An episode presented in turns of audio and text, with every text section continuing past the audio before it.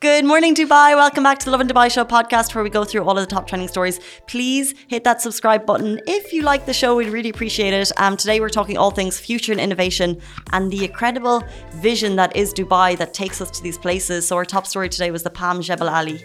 There's 35,000 families that will be able to move in over 80 hotels. This is luxury living taken to another level. Beyond, like beyond, like this is literally where, uh, if you think Palm Jumeirah is pricey and fancy, this is going to be that in double. You just wait. And you just wait. And it was approved yesterday by uh, the leadership and also one of the big wins um, in the aviation industry.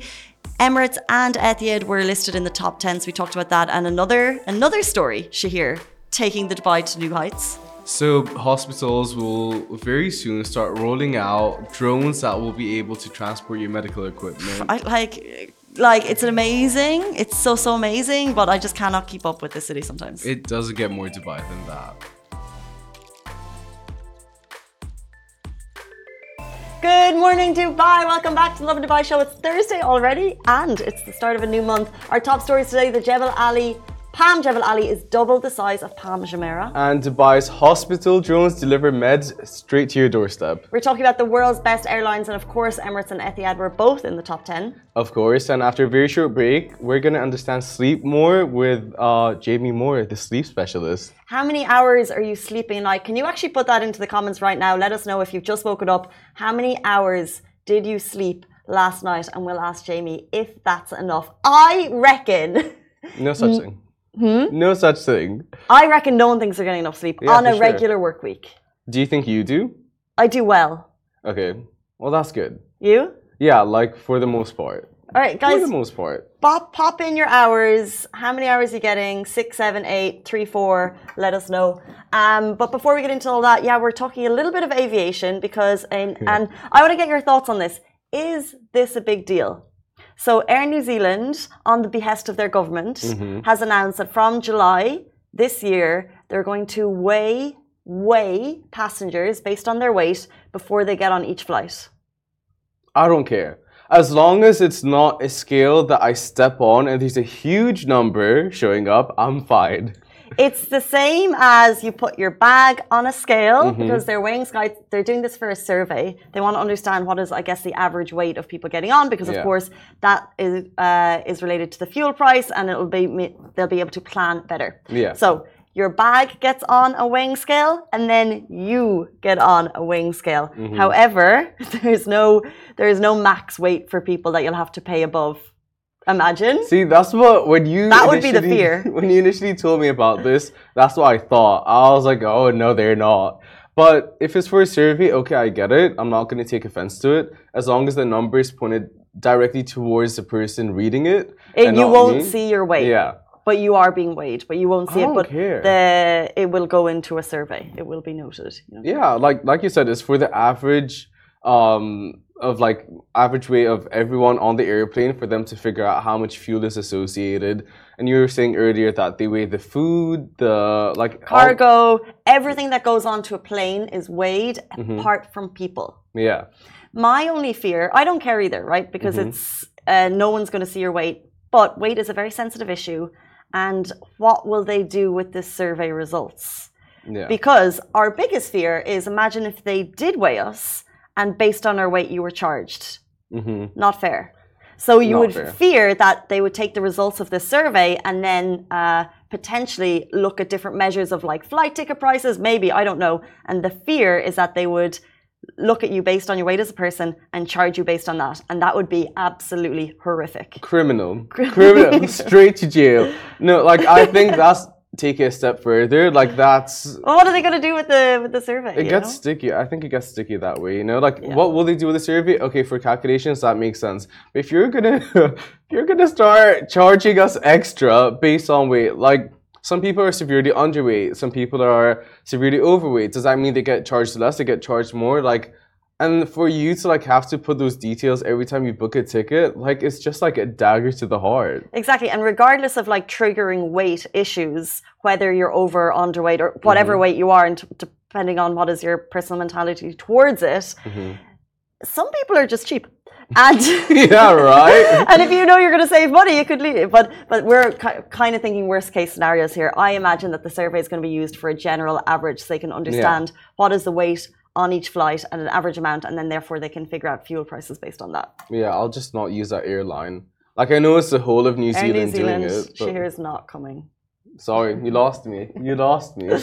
Um, but do you guys care? Let us know your thoughts. We love to read them. As always, before, during, and after the show, thank you everyone for tuning in. Um, Jonah saying, ah, Jonah, who works in an airport, is saying essential to balance weight and fuel. Interesting There, there's uh, input from the expert himself. Exactly. Um, but we would like more insights, more of your thoughts on this story. Do you care or don't you? Um, one story that I know we all care about, announced yesterday, futuristic Palm Jebel Ali master plan gets the green light. So if you thought Dubai was taking a breather during summer, remember back in the day we were like, oh, summer's chill, summer's quiet, everyone travels, no traffic. You've got reason to stay. Not so much. um, on Wednesday, His Highness Sheikh Mohammed bin Rashid Al Maktoum, Vice President and Prime Minister of the UAE and ruler of Dubai, he approved the new futuristic development master plan of Palm Jebel Ali. This is part of Dubai 2040 Urban Master Plan. It is one of a series of projects being undertaken by Nakheel, and it is so impressive. And I'm so jealous because I moved out of Jebel Ali. But Palm Jebel Ali will be an area of 13.4 square kilometers and occupying an area twice the size of Palm Jumeirah. Palm Jebel Ali will feature extensive green spaces and unique waterfront experiences. The project will add approximately 110 kilometers of coastline to Dubai that will provide approximately 35,000 families with unrivaled luxury beach living. So Shahir moved out, Mm-hmm. and people looking for luxury beachside waterfront living, 35,000 families to be exact, are moving in. Jealous. I'm jealous of this. Well, I think that this is going to be extreme, amazing waterfront properties. Properties we can only imagine, but not just that. Palm Jebel Ali will also feature 80 hotels and resorts, entertainment and leisure facilities, and will enhance Dubai's status as the globe's best city to live and work. So, if we just look back at what we've said here, 110 kilometers of coastline will be mm-hmm. added to the city. 80 new hotels. So imagine the scale of the Palm right now. That's going to be doubled in size. It's going to be down the road, and it's going to be the city itself is going to get bigger because of this move. Yeah, exactly. Like you have more beaches basically. Let's hope a lot of it's not private beaches, but there will be a lot of more beaches. Like for me, Palm Jumeirah is one of the places I still go to. I'm like, cool, Dubai is so beautiful, you know? And for that to be extended, and also like the luxury living is going to be elevated to what it was for Palm Jumeirah, because obviously Palm Jumeirah was built X amount of years ago, like over a decade ago, I guess, probably more. And this is just going to be like stepping into the future. And there's always a brunch to go to. There's always like dinners to go to in Palm Jumeirah. So just think of it as like a whole new level. A whole So excited. new level. And we know stats are that luxury uh, living in this country is uh, there isn't enough, right? There's literally too many millionaires, billionaires, not enough luxury properties. So Nakheel is capitalizing on that. Not only that, we know that the population is growing. By 2040, we're going to expect to reach 5.8 million. And where are they all going to go? Jebel Ali. We know where the people with money are going. They're going to Palm Jebel Ali. We've seen the videos. Uh, so there's obviously some mock-ups. Um, His Highness was there to approve the incredible development by Nakheel. And if you want to see the pictures, uh, they're on our main feed Instagram page. So go ahead and give that a like. Moving on to the next futuristic story. So, hospitals drone delivery meds to your doorstep. Insane. Like, it doesn't get more Dubai than that. So, in an exciting leap of healthcare innovation, a Dubai hospital has successfully completed a groundbreaking trial that involved using drones to, to deliver medication directly to patients' homes. The first of its kind innovative, um, sorry, initiative in the Middle East has the potential to revolutionize the way urgent medications delivered and transported, reducing um, response times and potentially saving lives. Dubbed the medical, the Medicine Air Express. Wow. Fitting. Sounds like a movie. it actually does. The trial conducted at Fakeeh University Hospital showcased the, rem- the remarkable capabilities of drone technology. With a 10 kilometer radius of, from the hospital, um, medication was swiftly transported to a patient's residence in Sidra Villas, a gated community nested in the vibrant heart of Dubai Silicon Oasis. You know what I have to say? We see a lot of kind of technology being used um, for us, but it basically it makes life easier, makes us a little bit lazier. However, so for example, drone technology for um, food delivery, groceries delivery. Amazing, but we don't need it. It's not a necessity. It's not a necessity. This, This however, is this a is this is pioneering. Um, it's an incredible like if it's going to work for people, you know, maybe if you can't leave the house and stuff like this is this is really truly pioneering technology. It's part of Dubai's uh, larger program to enable drone transportation, of course, with the regulation in place, spearheaded by His Highness Sheikh Hamdan, Crown Prince of Dubai, in 2021. So building on year-long tr- year-long trials. So this isn't just a throw it out and hope it works. There's a lot of uh, trialing that goes in place here at Dubai Silicon Oasis a knowledge-driven special economic zone in collaboration with Dubai Future Foundation and the Dubai Civil Aviation Authority. The hospital's achievement marks a significant milestone. So equipped with cutting-edge collision avoidance tech and the real-time monitoring, the drones ensure safe and secure transportation of medication. Geographical barriers are shattered as the aim is to promote delivery, um, deliver medication to patients who are unable to collect their prescriptions in person, eliminating any delays and receiving vital treatment. So the utilization of drones also aligns with the hospital's commitment to sustainability, because of course there's no fuel that goes into this; it's all mm-hmm. electric, and the UAE's vision of becoming a global leader in innovation. Traditional transport methods are left trialing in the wake of these futuristic aer- aerial couriers, significantly reducing the carbon footprint associated with medical deliveries. So, with drones taking flight in the realm of healthcare, Dubai is once again pushing the boundaries of innovation. We talked about Palm Jebel Ali, now we're talking about medical delivery drones. You know, it's true visionary leadership that gets there. This is under the watchful eye of His Highness the uh, Crown Prince of Dubai, and it's just incredible. Honestly, it's insane. So for me, like you said, we have food delivery. Okay, yes, great. Our food's delivered spick and span, but like people actually need this, and like it's actually stepping into the future. Imagine in ten years' time, we're gonna have our food delivered, we're gonna have our medications delivered. We're gonna be a very lazy society. This is all the We already are. What? Yeah. but like this is actually needed. What do you think is uh, is something that? How, where have you become lazy? You know, I don't go out for my cat food. I don't it gets delivered. It gets delivered. You can. My cat can have her nails clipped, like downstairs. Like I don't have to take care of my cat. Someone does it for me. She hears cat doesn't get to see the light of day. yeah, Lady Macbeth, Gilbert the Do you second. walk your cat? no, she's a cat. Like apparently she can get fleas that way. Do I, I feel like I've seen some people. I know it's not very common, but some people walk cats. Yeah. Um. I think they need like injections and stuff just to avoid like fleas. They need to like get used to the outside space. If you have my friends, do take their cats out for walks? But like it's a slow burner. They have to get used to it. They need a leash. They'll start running places, and They do need a leash. I love Can we talk about the fact that Shahir's cat is called Lady Macbeth? Lady Macbeth, Mallory Gilbert the second. I that make sounds like a fun night. I make Fun it up each and every time. Mallory's always there. As, a, as so it should. Strong name. Mallory the second. Um, but there's always names put in. Lady Macbeth, Vivienne Westwood, Michael yeah. Kors, Mhm. Macbeth. It- it's an evolving name.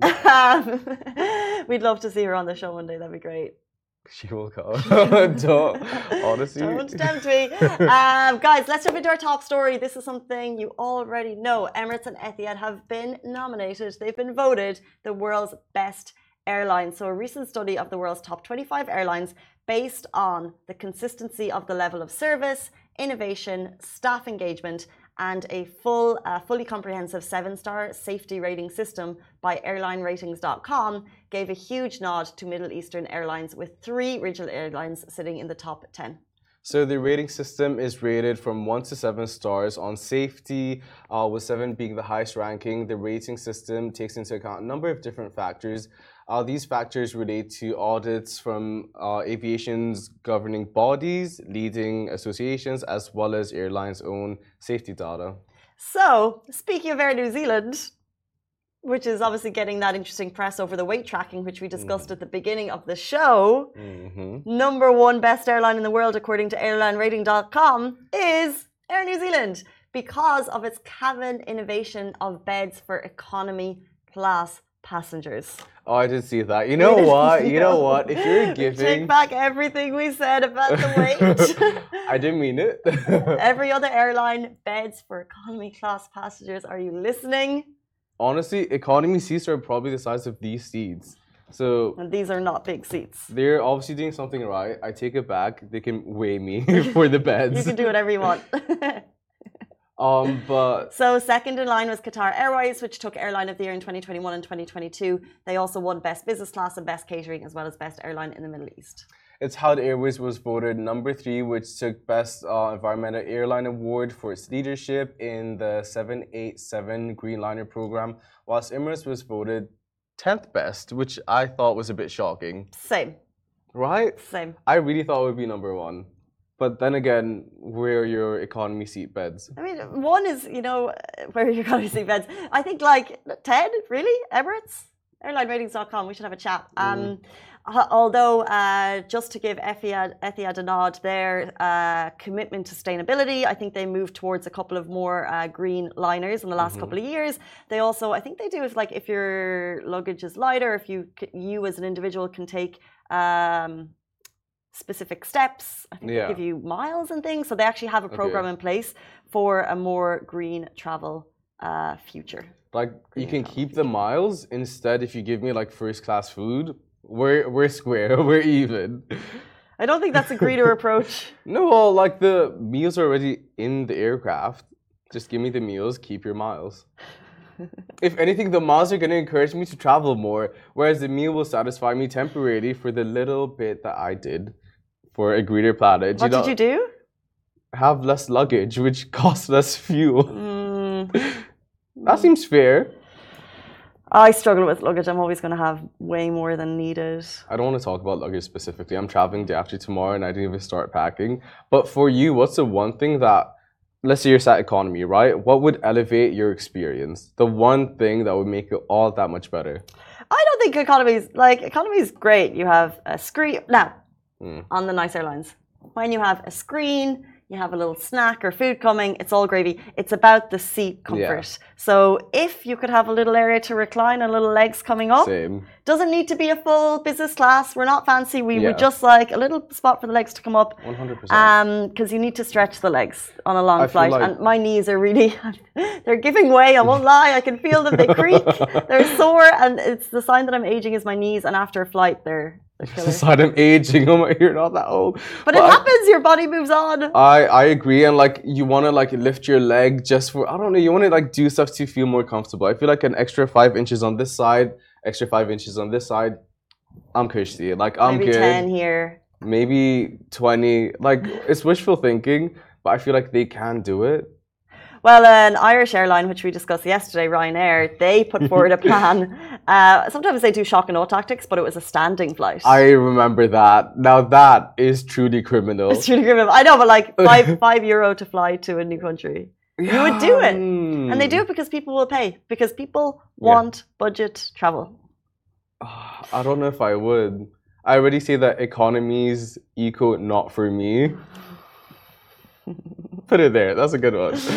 So, like, Um, I don't know. I, so standing would he be a bit more awkward. Um, okay, so it's 8.48. Guys, we're going to talk all about sleep with a sleep specialist. His name is Jamie Moore. And we want to know, before we get into it, how much sleep are you getting per night? Do you value your sleep? Do you wish you were getting more? And we're going to talk about how we can get more. Maybe. That's the question of the day. He's going to be with us right after this break.